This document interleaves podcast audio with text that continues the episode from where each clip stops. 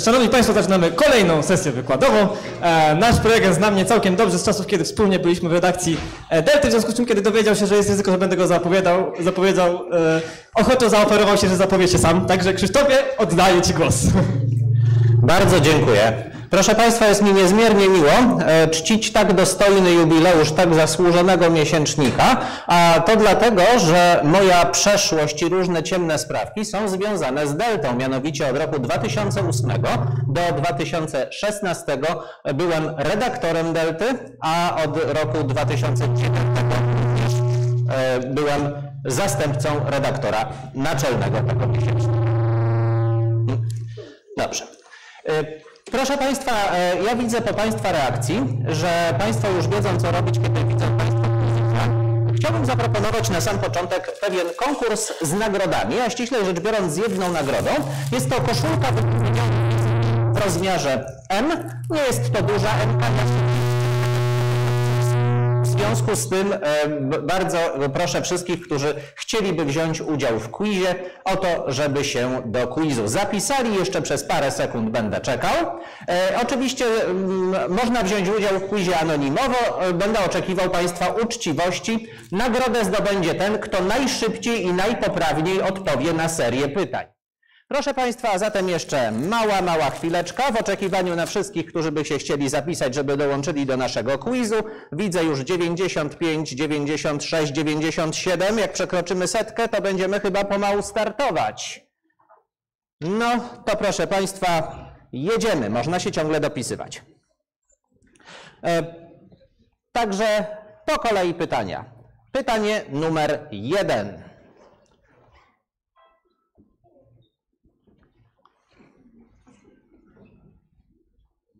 No musimy sprawdzić, czy działa.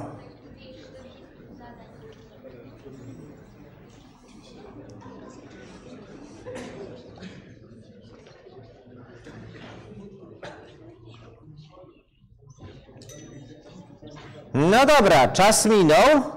Także proszę Państwa, zobaczmy jak widzi, jak plasuje się czołówka. Dobra. Jedziemy.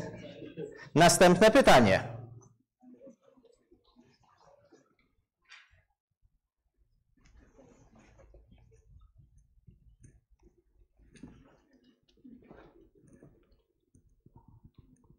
Widzę emocje.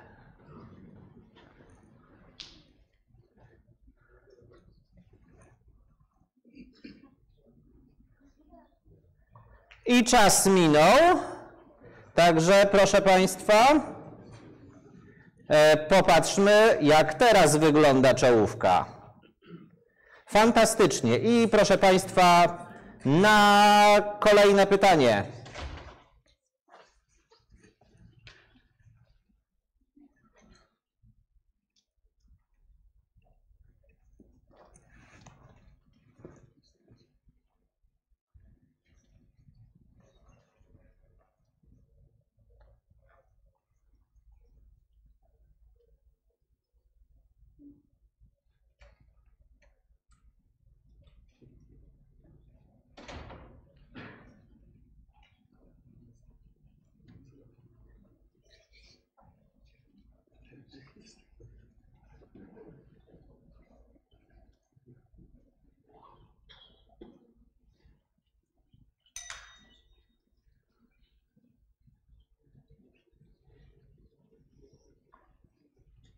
Bardzo podobają mi się takie wykłady, kiedy ja nic nie mówię, a wszyscy robią.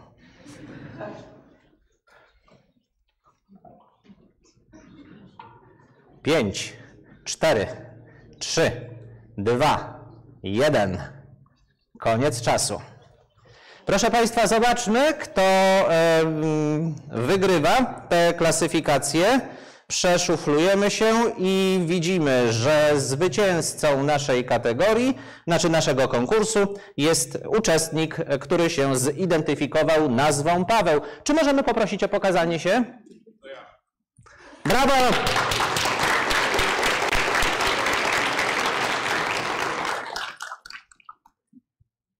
Proszę Państwa, e, to co e, w tym momencie pokazywałem, to jest e, małe rozumowanie, które nas prowadzi do takiego paradoksu, który się nazywa paradoksem Bifona. Mianowicie, jeżeli zdefiniujemy e, jako nasz problem rzut patyczkiem o szerokości dokładnie równej odległości między liniami na podłodze e, z losowymi warunkami początkowymi, to wylosowane położenie z prawdopodobieństwem 2 nad pi e, ułoży nam się na linii narysowanej na podłodze. Zrobiłem to doświadczenie, rzuciłem 100 razy patyczkiem i rzeczywiście wyszło. Rzucałem do momentu, kiedy mój kot nie przerwał mi eksperymentu, zabierając patyczek. Proszę Państwa, e, czyli e, proszę zwrócić uwagę, że e, tutaj dostaliśmy eksperymentalny sposób wyznaczenia liczby pi. I to w zasadzie wszystko, co mieliśmy, to były bardzo proste rzeczy. Linie proste na podłodze i prosty patyczek, nic okrągłego. Dlaczego tak jest, proszę Państwa? Otóż chciałbym zwrócić uwagę, że przez 50 lat istnienia Delta opublikowała bardzo dużo artykułów na ten temat. Zachęcam do poszukania w archiwum, które jest dostępne na stronie. Ja natomiast chciałbym przejść do troszeczkę innej opowieści. Moja opowieść toczy się w mieście Bucaramanga w Kolumbii, gdzie w 2022 roku drużyna Wydziału Fizyki brała udział w międzynarodowym turnieju fizyków. No i tutaj widzą Państwo naszą drużynę. Całkiem nieźle nam tam poszło. Zajęliśmy czwarte miejsce. Dla porównania dodam, że w tym roku e, zajęliśmy pierwsze miejsce w kategorii świat, e, remisując tylko z École Normale Supérieure de Lyon. Jednym z zadań, które było do rozwiązania na ten turniej, było zadanie o treści następującej. Zbuduj przyrząd, którego można użyć do wyznaczenia jakiejś słynnej, stałej matematycznej w jakiś najbardziej pomysłowy sposób. No i proszę Państwa, gdzie szukać inspiracji do przeprowadzenia tego rodzaju doświadczeń? No, jako opiekun drużyny i wieloletni redaktor Delty, wiedziałem, że po pierwsze w Delcie jest wszystko, a po drugie napisane w taki sposób, że można to zrozumieć. No i w związku z tym postanowiliśmy się zainspirować artykułem, który tam został opublikowany w 2016 roku, e, artykułem Bartosza Smoczyńskiego. Układ doświadczalny jest bardzo prosty. Potrzebujemy gumki, takiej dobrej gumki, co się równomiernie rozciąga.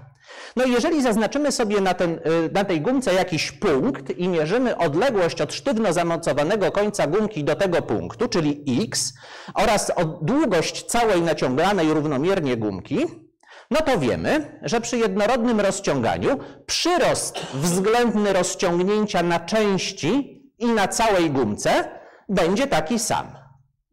I tutaj są dwie formuły, które to wyrażają. To znaczy, jeżeli mamy rozciąganie gumki w czasie, no to stosunek w chwili wcześniejszej do chwili późniejszej części rozciągniętej gumki jest taki sam jak całości gumki. Albo przyrost rozciągnięcia małego kawałka gumki jest taki sam względny jak przyrost całej gumki.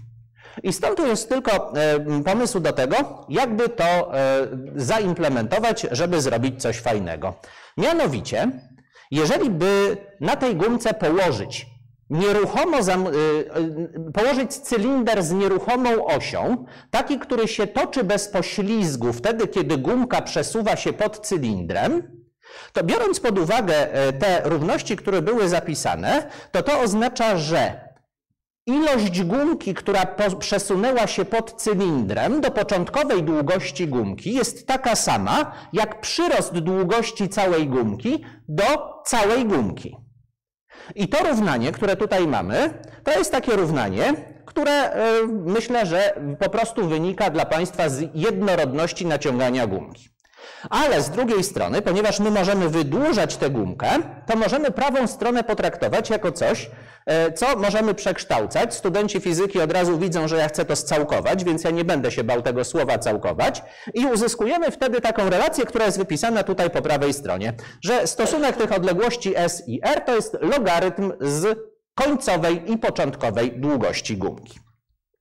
Jeżeli tak to zrobimy, no to wtedy wykonując wyłącznie cztery pomiary. Musimy wiedzieć, jak daleko nasz cylinder jest od e, ściany.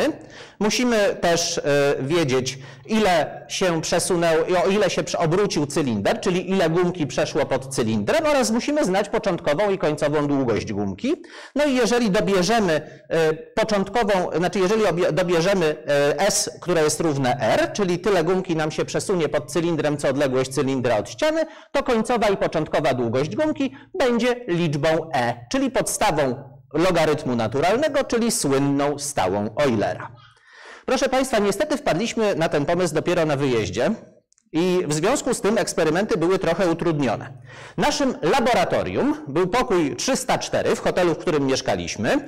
E, Mieliśmy trochę sprzętu, który wzięliśmy na wyjazd, no i moim zadaniem jako opiekuna drużyny było pójście na lokalny ryneczek i kupienie dużej ilości gumy do majtek. I proszę Państwa, moim pierwszym zdaniem, które w ogóle w życiu wypowiedziałem po hiszpańsku, było dos metros de pantycicle, por favor. Na szczęście e, za pomocą tłumacza Google udało mi się wybrać właściwą gumkę spośród 300 rodzajów gumek, które mi w odpowiedzi na to wezwanie zaprezentowano. Proszę Państwa, e, teraz tutaj musieliśmy pokonać pewne trudności. Po pierwsze, no, gumka do majtek. Nie wiem, jakie Państwo mają majtki, ale moje majtki źle się rozciągają trzy razy. W związku z tym należało zrobić to troszeczkę e, delikatniej i e, jeżeli by troszeczkę inaczej dobrać parametry, to znaczy, że pod cylindrem przesunie się dwa razy więcej niż odległość cylindra od ściany, no to wtedy się wyznacza pierwiastek z E. A jak mamy pierwiastek z E, to już pójdzie, a to jest dużo mniej. Dobra.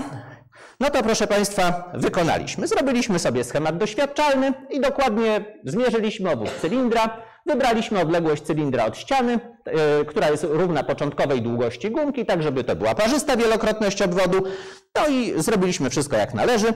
Wyznaczyliśmy stałą Eulera, zrobiliśmy analizę błędu, więc nawet możemy powiedzieć, że w wyniku tak prymitywnego pomiaru wyszło nam stosunkowo dokładnie. Proszę Państwa, czego uczy nas ta historia? Ta historia uczy nas rzeczy następującej. Po pierwsze, skuteczność matematyki jest przedziwna, jeśli ją stosujemy do nauk przyrodniczych, a zagadnienie dynamiki gumki do majtek niewątpliwie należy do, do dziedziny nauk przyrodniczych. Drugie, Eksperyment jest pytaniem, e, które stawiamy na przyrodzie, a przyroda za pomocą pomiaru nam odpowiada. I cytując Marię Skłodowską-Curie, nawet w tak wymagającej sytuacji nie należy tylko się bać, należy świat po prostu zrozumieć. Ale proszę Państwa, żeby ostatnie słowo należało do mnie, to chciałbym powiedzieć, że z mojego punktu widzenia to tylko lektura delty poszerzy horyzonty człowieka tak, że będziemy umieli całkować za pomocą gumki od majtek. No więc odpowiedź na tytułowe pytanie brzmi oczywiście tak. Dziękuję bardzo.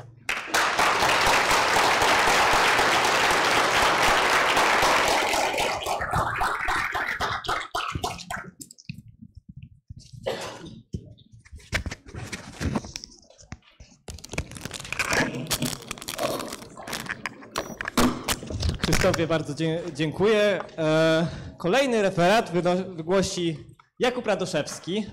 Jakub Radoszewski e, był redaktorem Delty przez 5 lat, zakończył e, 10 lat temu, więc niestety akurat ja się z nim rozminąłem i teraz poza no, e, wie- wielkim zaangażowaniem naukowym, jeśli chodzi o działalność popularyzatorską w matematyce, jest znany ze wielkiej aktywności w olimpiadzie informatycznej. E, A dzisiaj opowie nam, jak sztuczna inteligencja sortuje liczby.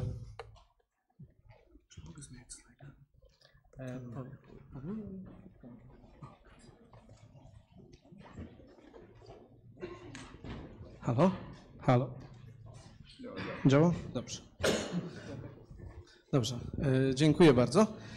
E, Sortowanie liczb to e, bardzo, to czynność, którą informatycy wykonują bardzo często, a tutaj chciałem opowiedzieć o podejściu, które zostało zaprojektowane bardzo niedawno, które być może jest w stanie zrewolucjonizować podejścia do tego problemu. E, Mianowicie opowiem o algorytmie ML-sort, czyli sortowanie z użyciem e, uczenia maszynowego. To jest połączenie klasycznych algorytmów, zupełnie takich, e, no, jakie się analizuje klasycznie w algorytmach i strukturach danych, z metodami uczenia maszynowego, w tym przypadku jakimiś predykcjami. Okazuje się, że algorytm, który w ten sposób powstał, potrafi być konkurencyjny, a nawet przebijać różne standardowe implementacje sortowania, takie jak e, sortowanie na przykład z e, biblioteki standardowej języka C++. Jest w stanie być od nich dużo szybszy. E, W jaki sposób możemy się dobrać do sortowania liczb z użyciem uczenia maszynowego? I brzmi to może bardzo szumnie, ale teraz o co tak naprawdę chodzi?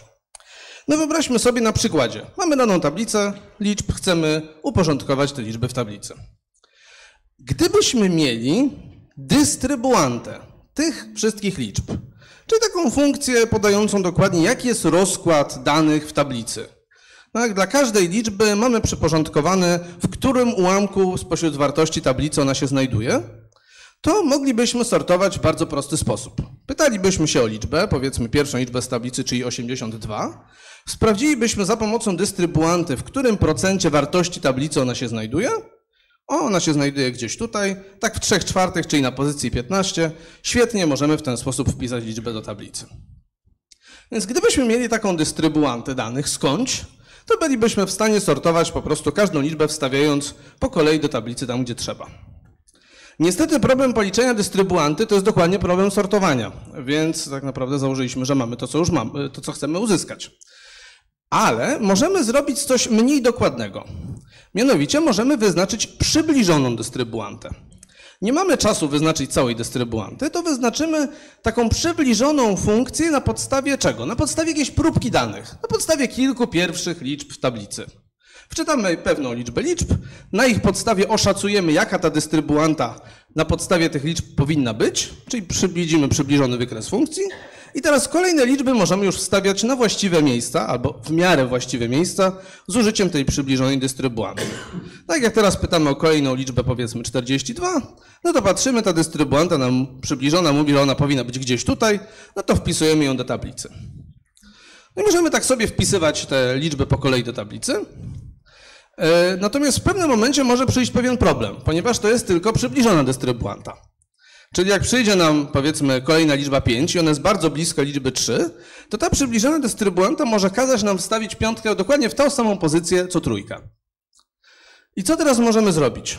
No, informatycy już mają dużo gotowych rozwiązań na ten problem, e, ponieważ zajmowali się problemem haszowania i wiedzą, że wtedy można na przykład e, stosować metodę adresowania otwartego, czyli próbować wstawić piątkę w najbliższą wolną pozycję, albo możemy zastosować e, inną metodę typu metodę łańcuchową i próbować włożyć wiele liczb w tę samą komórkę tablicy, tworząc z nich listę a na koniec spróbować jakoś douporządkować ewentualny mały bałagan, który powstanie z powodu właśnie tego, tej naszej niedokładności dystrybuanty.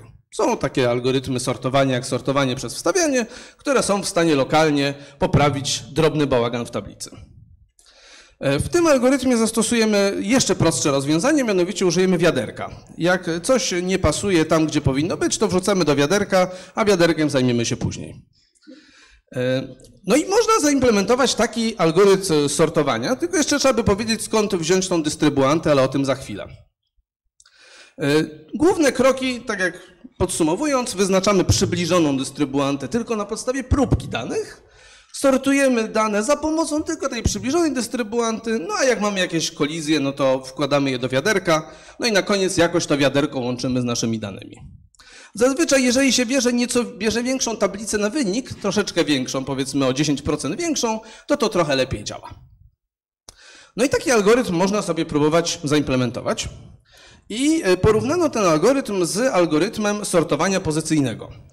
Algorytm sortowania pozycyjnego to jest jeden z szybszych algorytmów e, sortowania pod względem implementacji. On działa tak, że jak mamy ileś liczb, to sortujemy je najpierw względem ostatniej cyfry, rozrzucamy je na takie kubełki względem ostatniej cyfry, potem sortujemy je względem przedostatniej cyfry, czyli teraz patrzymy na przedostatnie cyfry, potem i tak dalej, i tak dalej, aż posortujemy względem pierwszej cyfry i można się zastanowić, dlaczego tak jest, że na końcu wszystkie liczby będą posortowane.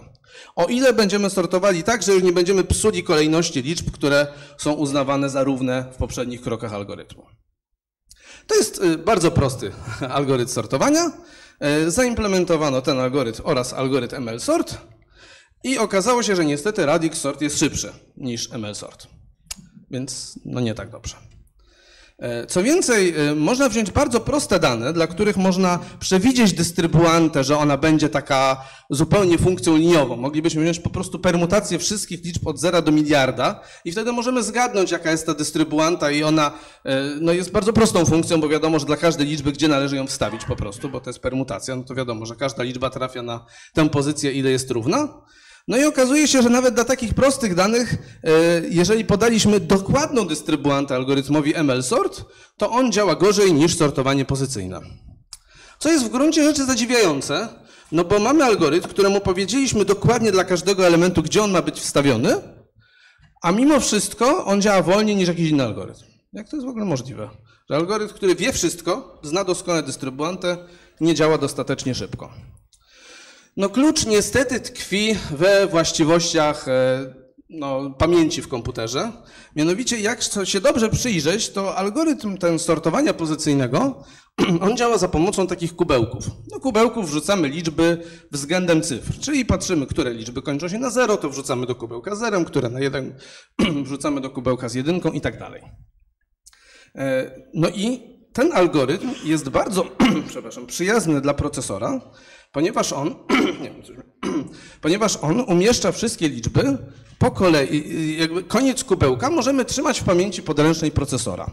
Czyli to oznacza, że pamiętamy sobie dla każdego kubełka kilka ostatnich liczb i pamiętamy je w pamięci podręcznej procesora, czyli jak procesor dostaje kolejną liczbę, to wkłada ją do odpowiedniego kubełka, tych kubełków jest nie za dużo i ma te dane w pamięci podręcznej, którą przetwarza. Natomiast w przypadku takiego algorytmu, który bierze bardzo dużą ilość danych i wprowadza je od razu do wielkiej pamięci czy na dysk, no to czas dostępu do pamięci zaczyna być niestety kluczowy. I okazuje się, że z takiego błahego powodu algorytm, który doskonale wie, gdzie ma wstawiać liczby, jest gorszy niż algorytm, który nie wie na początku, ale wykonuje na nich manipulacje w sposób taki lokalny. Czyli nie grzebie tymi liczbami, nie wstawia ich na jakiekolwiek e, pole tablicy, tylko wstawia je e, właśnie w, e, wstawia je gdzieś tam w jakieś odpowiednie kubełki. Dziękuję.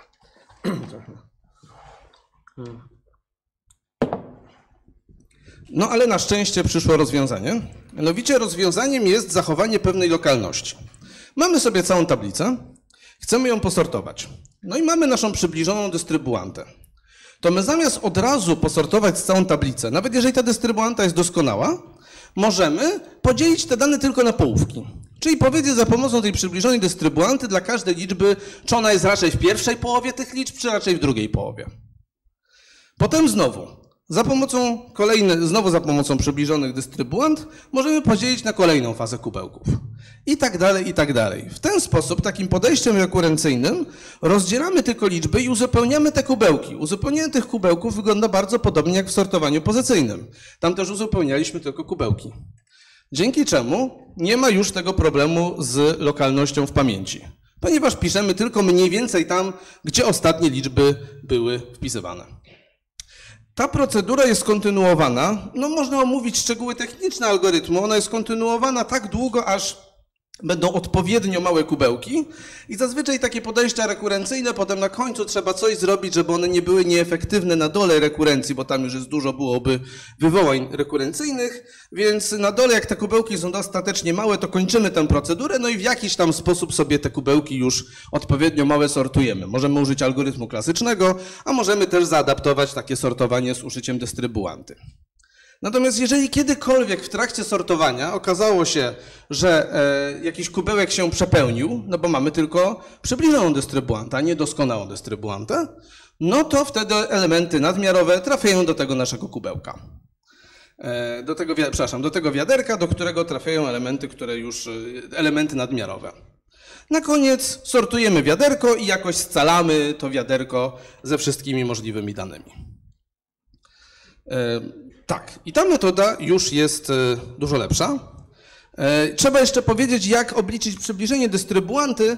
No, no to na szczęście są metody, jest tak zwana interpolacja funkcjami sklejanymi, czy tam można to nazwać splajnami, czyli że wybieramy pewną małą, niewielką liczbę węzłów, czyli to właśnie y, y, korzystając z wartości z tych danych, a pomiędzy tymi danymi próbujemy przybliżać tę funkcję wielomianami o małych stopniach.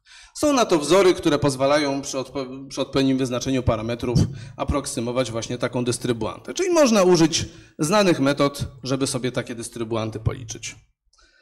E, No i co? No i udało się to zaimplementować. Tu jest porównanie z bardzo wieloma algorytmami sortowania e, na bardzo dużej liczbie różnych typów danych. Najważniejsza informacja po lewej, ten słupek, to jest właśnie słupek tego algorytmu, o którym rozmawiamy, a wszystkie pozostałe to są różne klasyczne, mniej lub bardziej znane, ale dobrze przetestowane algorytmy i używane w praktyce.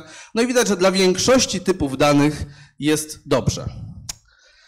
A dokładnie jest prawie dobrze, ponieważ te dane wszystkie były pod pewnym względem tendencyjne. E, Natomiast problem się pojawia, kiedy w danych zaczynają się pojawiać duplikaty. Czyli jeżeli sortujemy liczby i niektóre z nich mogą być po prostu równe. E, To wtedy okazuje się, że w zależności od procentu duplikatów, jeżeli ten procent zaczyna być już znaczący, to ten skrajnie lewy słupek już nie jest najwyższy, czyli ten czas, y, prędkość przetwarzania danych przez algorytm przestaje już być najlepsza możliwa. No i winą jest, y, winę za to ponosi niestety, ale wiaderko. Ponieważ y, kiedy, kube, kiedy mamy równe wartości i schodzimy do odpowiednio krótkich kubełków, to wszystkie takie same wartości muszą być w tym samym kubełku. Co powoduje, że kubełki zaczynają się szybko zapełniać. A jak się kubełek przepełnia, to liczby lądują w wiaderku. No i tak naprawdę, jak jest dużo duplikatów, to ten algorytm wszystko wrzuca do wiaderka i potem ma problem, co zrobić z wiaderkiem. Czyli takie próba łatania e, dziury za pomocą wiaderka niestety nie do końca się e, sprawdziła. No i była potrzeba e, zaimplementowania nowszej wersji tego algorytmu, które właśnie można było się pozbyć wiaderka i po prostu przez wprowadzenie kubełków, które miały różne rozmiary, dzięki czemu kubełki o równych wartościach się nie przepełniały, a jeżeli wszystkie liczby w jakimś kubełku były równe, to po prostu kończyliśmy rekursję na tym kubełku, już tam nie wchodziliśmy dalej. No i okazuje się, że ten algorytm jest jeszcze szybszy niż tamten. Jeżeli jest dużo duplikatów, to jest w ogóle z pięć razy szybszy, a jeżeli nawet jest mało duplikatów, to mimo wszystko brak tego wiaderka, tylko inteligentniejszy podział e, kubełków e, rozwiązuje, rozwiązuje e, sprawę. I to są algorytmy, które zostały opublikowane 2-3 lata temu. Czyli to jest zupełna nowość i jest szansa, że tego typu połączenia klasycznych algorytmów z właśnie takimi pomysłami, trochę może szumnie nazwanymi tutaj uczeniem maszynowym, no bo to była taka analiza bardziej statystyczna, ale można stosować bardziej ambitne podejścia tutaj do uczenia maszynowego, mogą się okazać szybsze niż to właśnie, co mamy klasycznie zaimplementowane, czego używamy na co dzień, jeżeli na przykład piszemy programy. Dziękuję.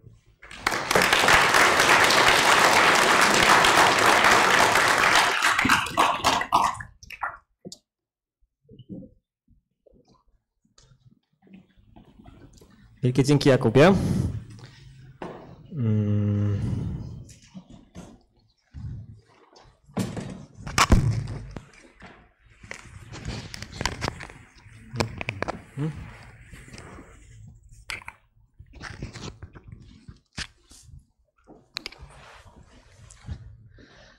E, s- Skorzystam z światłego przykładu Krzysztofa i, i zapowiem się sam, zresztą to już raz miało miejsce.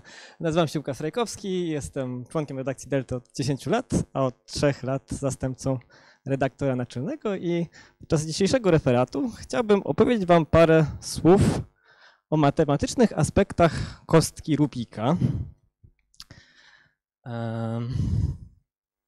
O takiej kostki. Cóż, każdy wie, jak wygląda kostka Rubika. Właśnie tak. Trzeba by się z choinki uważać, żeby nie wiedzieć, no ale cóż są święta, więc podkreślmy, że to jest kostka Rubika. No i to zabawa polega na tym, że się ją kręci, jak się zrobi parę ruchów, to już człowiek zaczyna tracić rachubę i mieć problem z tym, żeby przywrócić się do takiego ładnego, złożonego stanu. E, tych kostek Rubika jest całe mnóstwo. No niesamowita, men, niesamowita menażeria.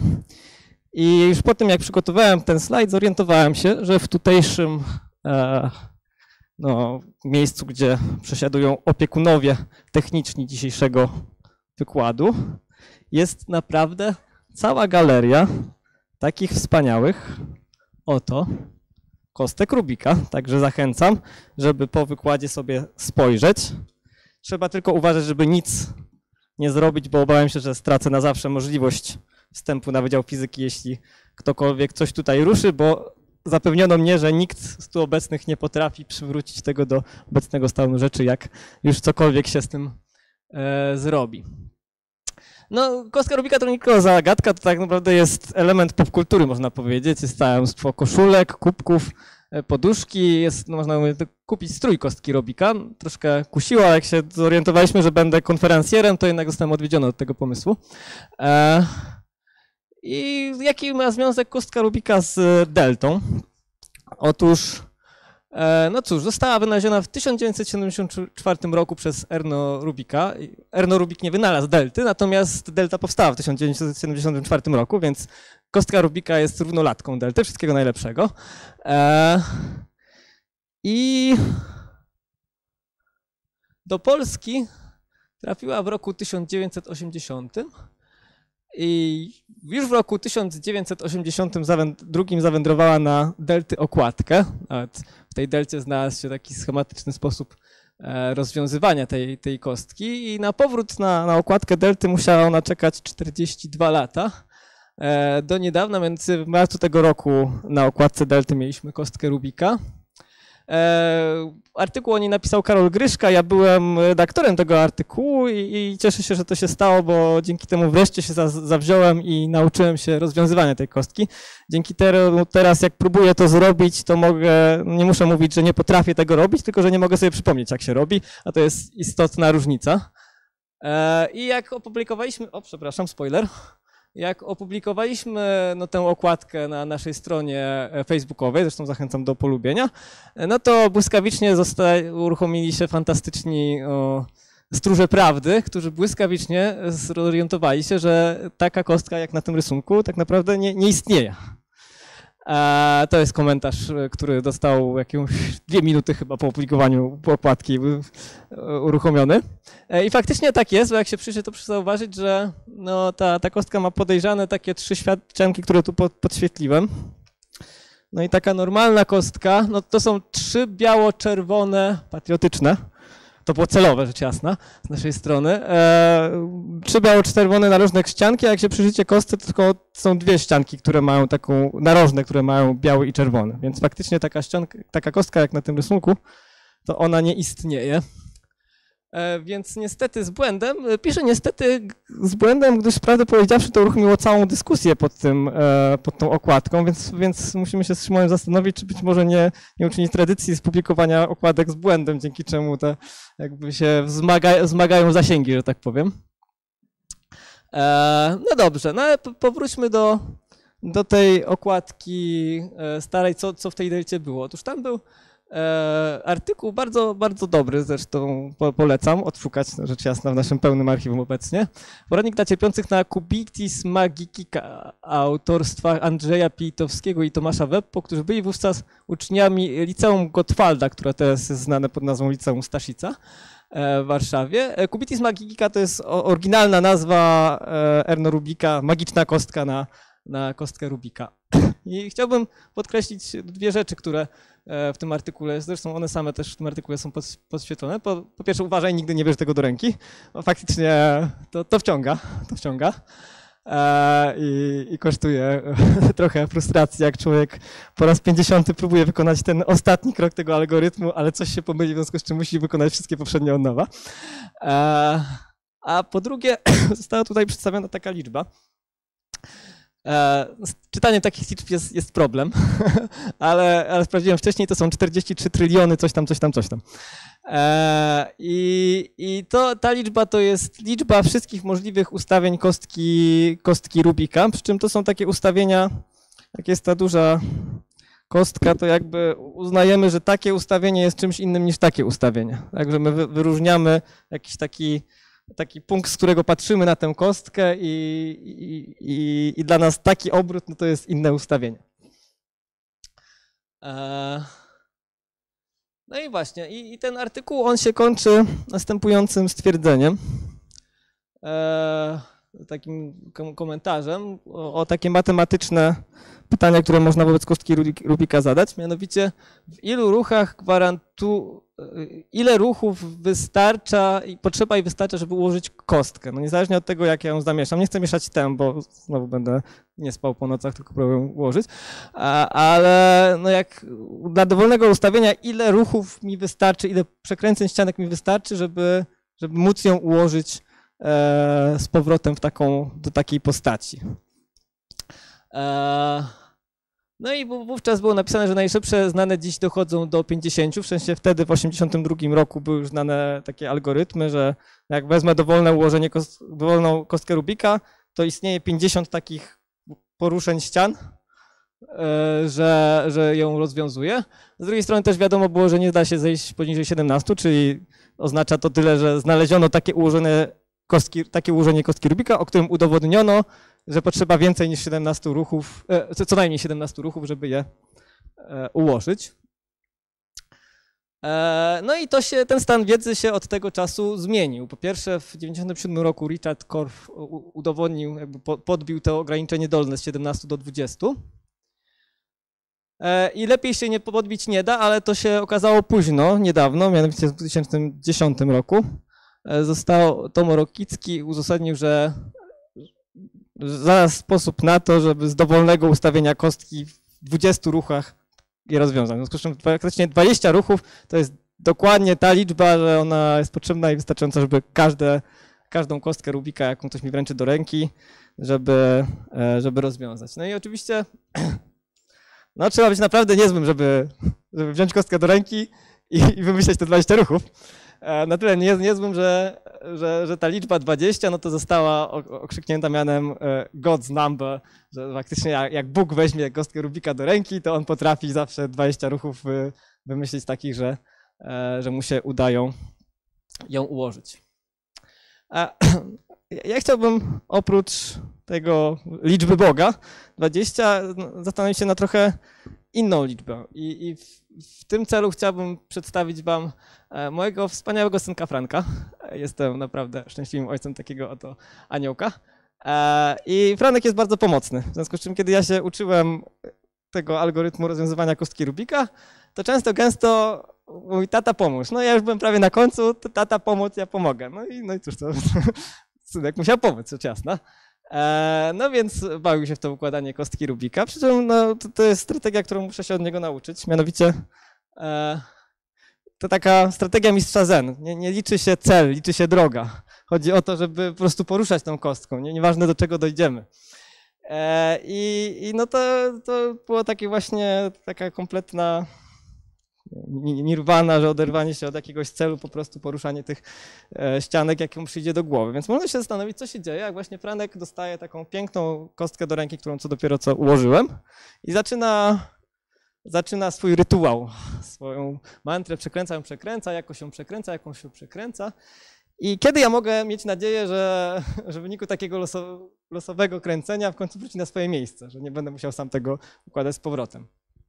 No oczywiście to może być różnie. Może raz zrobić coś takiego, to jeszcze potrafię zrobić. Zrobić coś takiego i w drugim ruchu zrobić coś takiego i wtedy mam szczęście.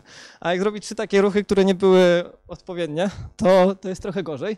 No ale skoro to jest losowa rzecz, no to taka pierwsza rzecz, pie, pierwszym pytaniem, które się pojawia, jeśli w grę wchodzą losowe rzeczy, żeby jakoś scharakteryzować, to jest ich, ich wartość oczekiwana tak zwana. Innymi słowy, ile średnio Franek będzie potrzebował na to, żeby wrócić z tą kostką na swoje miejsce.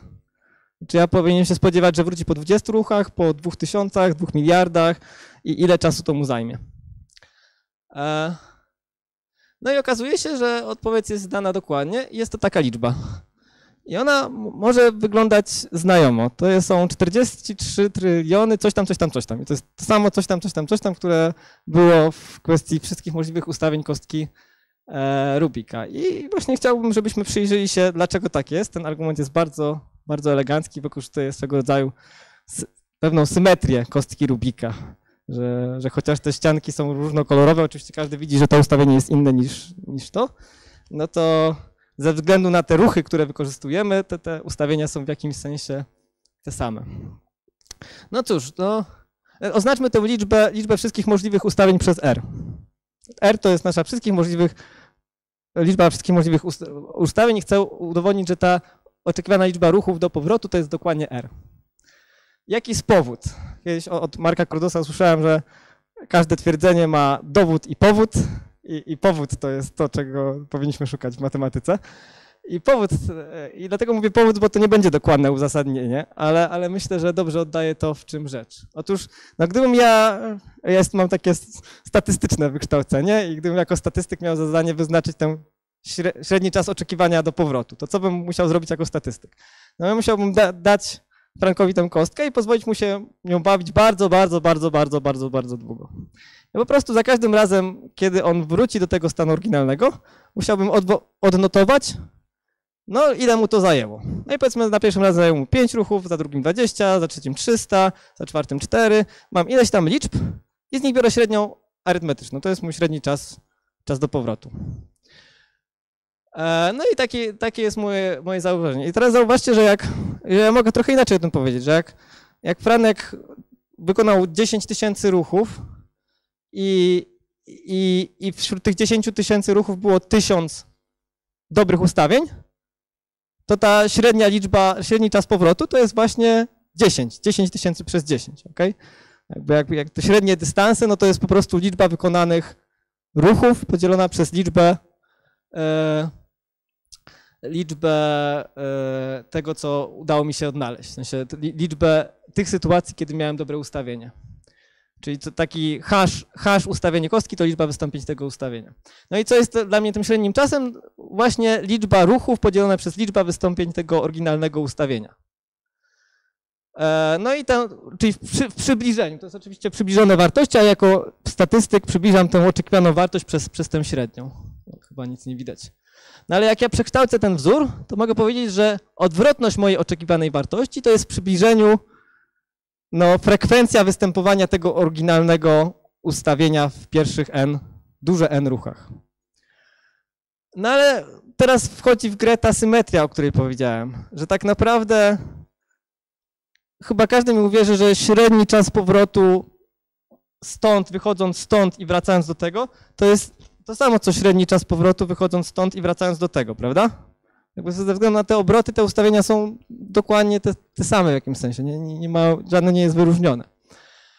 I, I w związku z czym ja mogę również napisać, że ta, dokładnie posługując się tym samym argumentem, że ten odwrotność średniego czasu powrotu to jest grubsza liczba takich ustawień kostki, tych jakichś tam innych, podzielić przez liczbę wykonanych ruchów.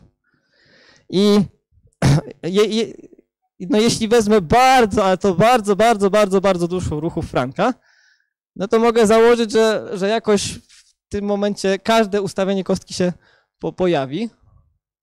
A skoro mogę założyć, że każde ustawienie się kostki pojawi, no nawet tak naprawdę do napisania czegoś takiego, takiej równości, no to nie, nie jest potrzebne to założenie, że każde ustawienie się kostki pojawi. Po prostu jak mam liczbę ruchów, to ileś tam ruchów, no to każdy ruch kończył się jakimś ustawieniem kostki, tak? Więc liczba napotkanych tych pierwszych konfiguracji plus liczba napotkanych tych drugich konfiguracji plus i tak dalej, i tak dalej. Jak wezmę wszystkie możliwe konfiguracje, to jest po prostu liczba ruchów, które wykonałem. Bo każdy ruch kończył się jakąś konfiguracją. No i teraz, co się stanie, jak tę równość oczywistą na dole podzielę przez n i wykorzystam moje przybliżenie? No to po pierwsze po prawej stronie dostanę jedynkę, n przez n, a po lewej stronie no każda z tych rzeczy, liczba tych ustawień przez n, liczba tych ustawień przez n i tak dalej, i tak dalej, każdą z tych rzeczy przybliżam przez odwrotność średniego czasu oczekiwania. 1 przez e. Z grubsza, ale jak jest duża, duża próbka, to to staje się równością. No i w tej sytuacji, no ile mam tych 1 przez e po lewej stronie? No tyle, ile ustawień mojej kostki. Tych ustawień było r. Zostaje r przez e, to jest przybliżeniu 1, no a wraz z zwiększaniem się n, to przybliżenie staje się super dokładne co dowodzi, że ta moja oczekiwany czas powrotu to jest dokładnie liczba możliwych ustawień kostki Rubika. E, także cóż, tyle w tym temacie. Bardzo dziękuję za uwagę.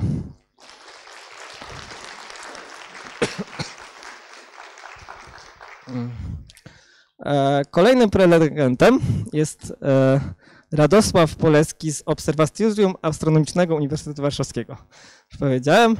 E, Kiedy w lipcu mieliśmy numer poświęcony statystycznie, statystyce, e, Radek ratował nas artykułem, e, przepraszam, jakby się, e, artykułem astronomicznym, który przedstawiał pewne metody statystyczne e, pojawiające się w, wykorzystujące w ast, wykorzystywane w astronomii, gdyż to między innymi jako astronom robi. E, Zdaje się, że nie o tym będzie jego referat, będzie o planecie goręczej od gwiazd. E, Posłuchajmy, oddaję głos Radkowi. Dziękuję. Czy mnie słychać? Słychać, dobrze. Tak, ja jestem astronomem i opowiem o planecie. Planecie, która krąży wokół gwiazdy innej niż Słońce. I tu jest wizja artystyczna. Na slajdzie tytułowym jest wizja artystyczna planety gorętszej od gwiazd. Ja postaram się mówić, czy obrazki, które pokazuję, to są animacje, symulacje, czy to są wyniki pomiarów. No dobrze. Najpierw chciałbym wyjaśnić, co oznacza tytuł. W tytule są cztery słowa. Planeta gorętsza od gwiazd. Dobrze, więc planeta. Planeta to będzie dla mnie obiekt astronomiczny, w, którego wnętrzu nie zachodzą reakcje jądrowe. Nie zachodzą. I tu mamy dwa przykłady zdjęć. Przepraszam, zdjęcie i filmik. To są wyniki faktycznych pomiarów. Z lewej jest zdjęcie planety nazywanej Ziemia. Z prawej jest taki krótki filmik ze zbliżania się do planety zwanej Jowisz. To jest jedno ze słów w tytule, mam już wyjaśnione. Zostały cztery słowa, trzy słowa, tak, 4 minus 1. Dobrze, e, gwiazd, gwiazd. E, Dla mnie gwiazdy na tę chwilę najbliższą to są obiekty astronomiczne, w których wnętrzu zachodzą reakcje jądrowe. Tam nie zachodziły, tu zachodzą. I przykład gwiazdy. Ja będę sprytniejszy od Łukasza i podejrzewam, że jak machnę myszką, o, to będzie widać. Tutaj jest gwiazda. Nie trzeba tym laserem, którego nie widać na ekranie, który świeci. Tak, ten laser to widać tu, a tam już nie widać. Więc wiem, że można myszką machnąć. Dobrze. To jest gwiazda. Y, To jest zdjęcie gwiazdy y, Słońca. Y, Więc to mamy drugie słowo wyjaśnione. Z tytułu zostają jeszcze dwa do wyboru. Gorętsza. Ja zakładam, że gorętsza w tym przypadku oznacza gorętsza na powierzchni, czyli ma wyższą temperaturę powierzchni. Jedno ma wyższe od drugiego. No i od to już nie będę tłumaczył. Jest fundamentalne takie pytanie. Czy istnieje planeta, która jest gorętsza od gwiazd? Odpowiedź brzmi, zależy od których gwiazd. Mamy bardzo wiele różnych gwiazd i można wybrać takie gwiazdy, że nie będzie planety gorętszej od tych gwiazd. Ale jest planeta, która jest gorętsza od większości gwiazd. Tę planetę nazywamy Kelt 9b i z prawej strony mamy pokazaną animację, jak ta planeta wygląda, jak ona krąży wokół swojej gwiazdy macierzystej. Te gwiazdy nazywamy Kelt 9, a planetę nazywamy Kelt 9b. I ta planeta, nie gwiazda, planeta jest gorętsza od większości gwiazd. Gwiazda też jest gorętsza od większości gwiazd, ale to mniej ciekawe. Dobrze, więc można zadać kolejne pytanie, jak gorąco jest na tej planecie? Hmm, jak tam może być gorąco? Około 4000 kelwinów. Temperatura powierzchni tej gwiazdy to 4000 kelwinów mniej więcej. No dobrze. Pytanie, skąd to wiemy? E, wiemy to, ponieważ w tym przypadku obserwujemy tranzyty. E, podobny, podobna ilustracja już była, może bardziej fachowa od tego, co ja ściągnąłem z internetu. Wyobraźmy sobie, że widzimy tarczę gwiazdy i e, planeta przechodzi przed tarczą gwiazdy i tutaj jest wykres jasności, którą mierzymy w funkcji czasu. To jest animacja. Tutaj mamy wyniki pomiarów. Te drobne kropeczki to jest średnia z iluś tam pomiarów wykonanych.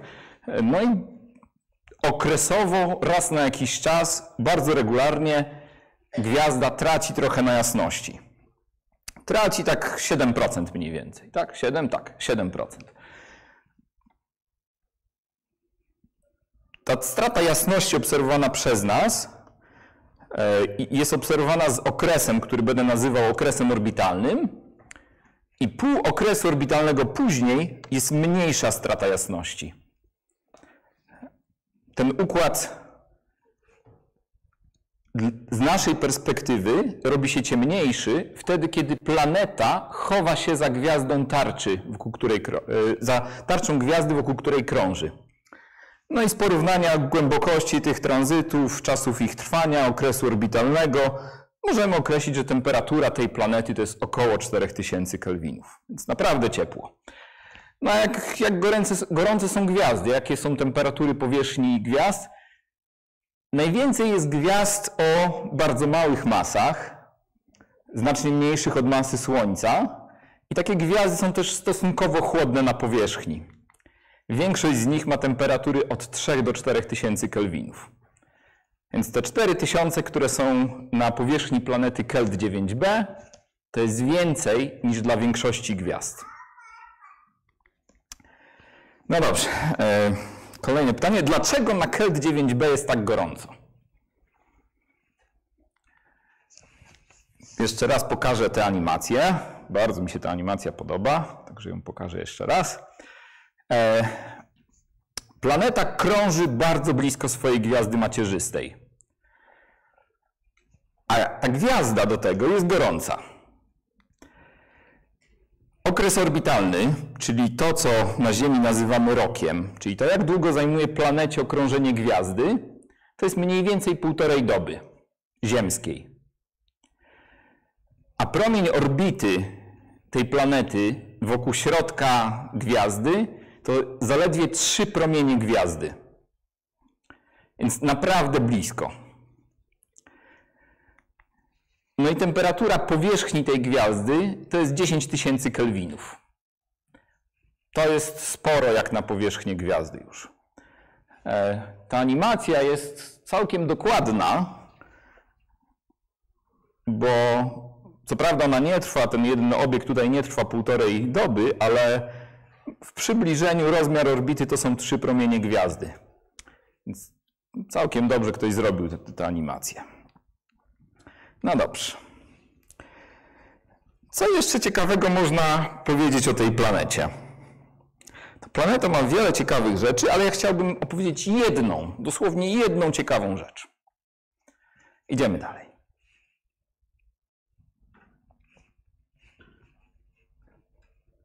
A wiem, e, chciałem powiedzieć, że brak mi słów. Dlatego jest pusty slajd. Naprawdę brak mi słów. I teraz wyjaśniam, w czym jest problem. E, pokażę animację. Dobrze, to jest animacja po prawej teraz. Gwiazda, wokół której krąży Kelt 9b, ta gwiazda rotuje bardzo szybko. Bardzo szybko to znaczy, że na powierzchni prędkość przemieszczania się materii to jest ponad 100 km na sekundę. Dla porównania w przypadku Słońca to są 2 km na sekundę. Więc Kelt 9 naprawdę szybko rotuje. Ta rotacja powoduje, że gwiazda jest spłaszczona na biegunach. Odległość od środka gwiazdy do bieguna jest o 9% mniejsza niż odległość od środka gwiazdy do równika gwiazdy. To spłaszczenie ma ten skutek, że bieguny są gorętsze niż równik na powierzchni. I ta różnica to jest około 800 kelwinów. Więc jak mówiłem, że temperatura powierzchni jest 10 tysięcy, to trzeba powiedzieć, której części, czy też uśredniamy, tak? bo te 800 kelwinów to całkiem sporo w porównaniu z tymi 10 tysiącami. Mówię cały czas teraz o gwieździe. Do tego orbita planety przechodzi nad biegunami i nad równikiem. W Układzie Słonecznym jest tak, że wszystkie planety krążą w płaszczyznach bardzo zbliżonych do równika Słońca. A w przypadku Kelt 9b jest bardzo duże nachylenie i planeta przechodzi nad równikiem. Jednym i drugim. Dwa razy na jeden okres nad równikami i dwa razy nad, e, no, przepraszam, dwa razy nad równikiem i dwa razy nad biegunami. Skąd to wiemy? I tutaj mam taką ładną animację znowu. Niestety ta animacja ma jedną wadę, nie ma spłaszczenia gwiazdy. Wyobraźmy sobie, że obserwujemy tarczę gwiazdy, tutaj przedstawioną. E, Gwiazda bardzo szybko rotuje i to, ta materia, która się do nas zbliża, ze względu na efekt Dopplera jest pokazana na niebiesko.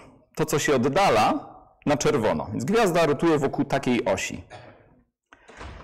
To, co mamy na dole pokazane, to jest kształt linii w widmie gwiazdy. Jakbyśmy obserwowali taką linię z bardzo dużą dokładnością, to taki ładny kształt byśmy obserwowali.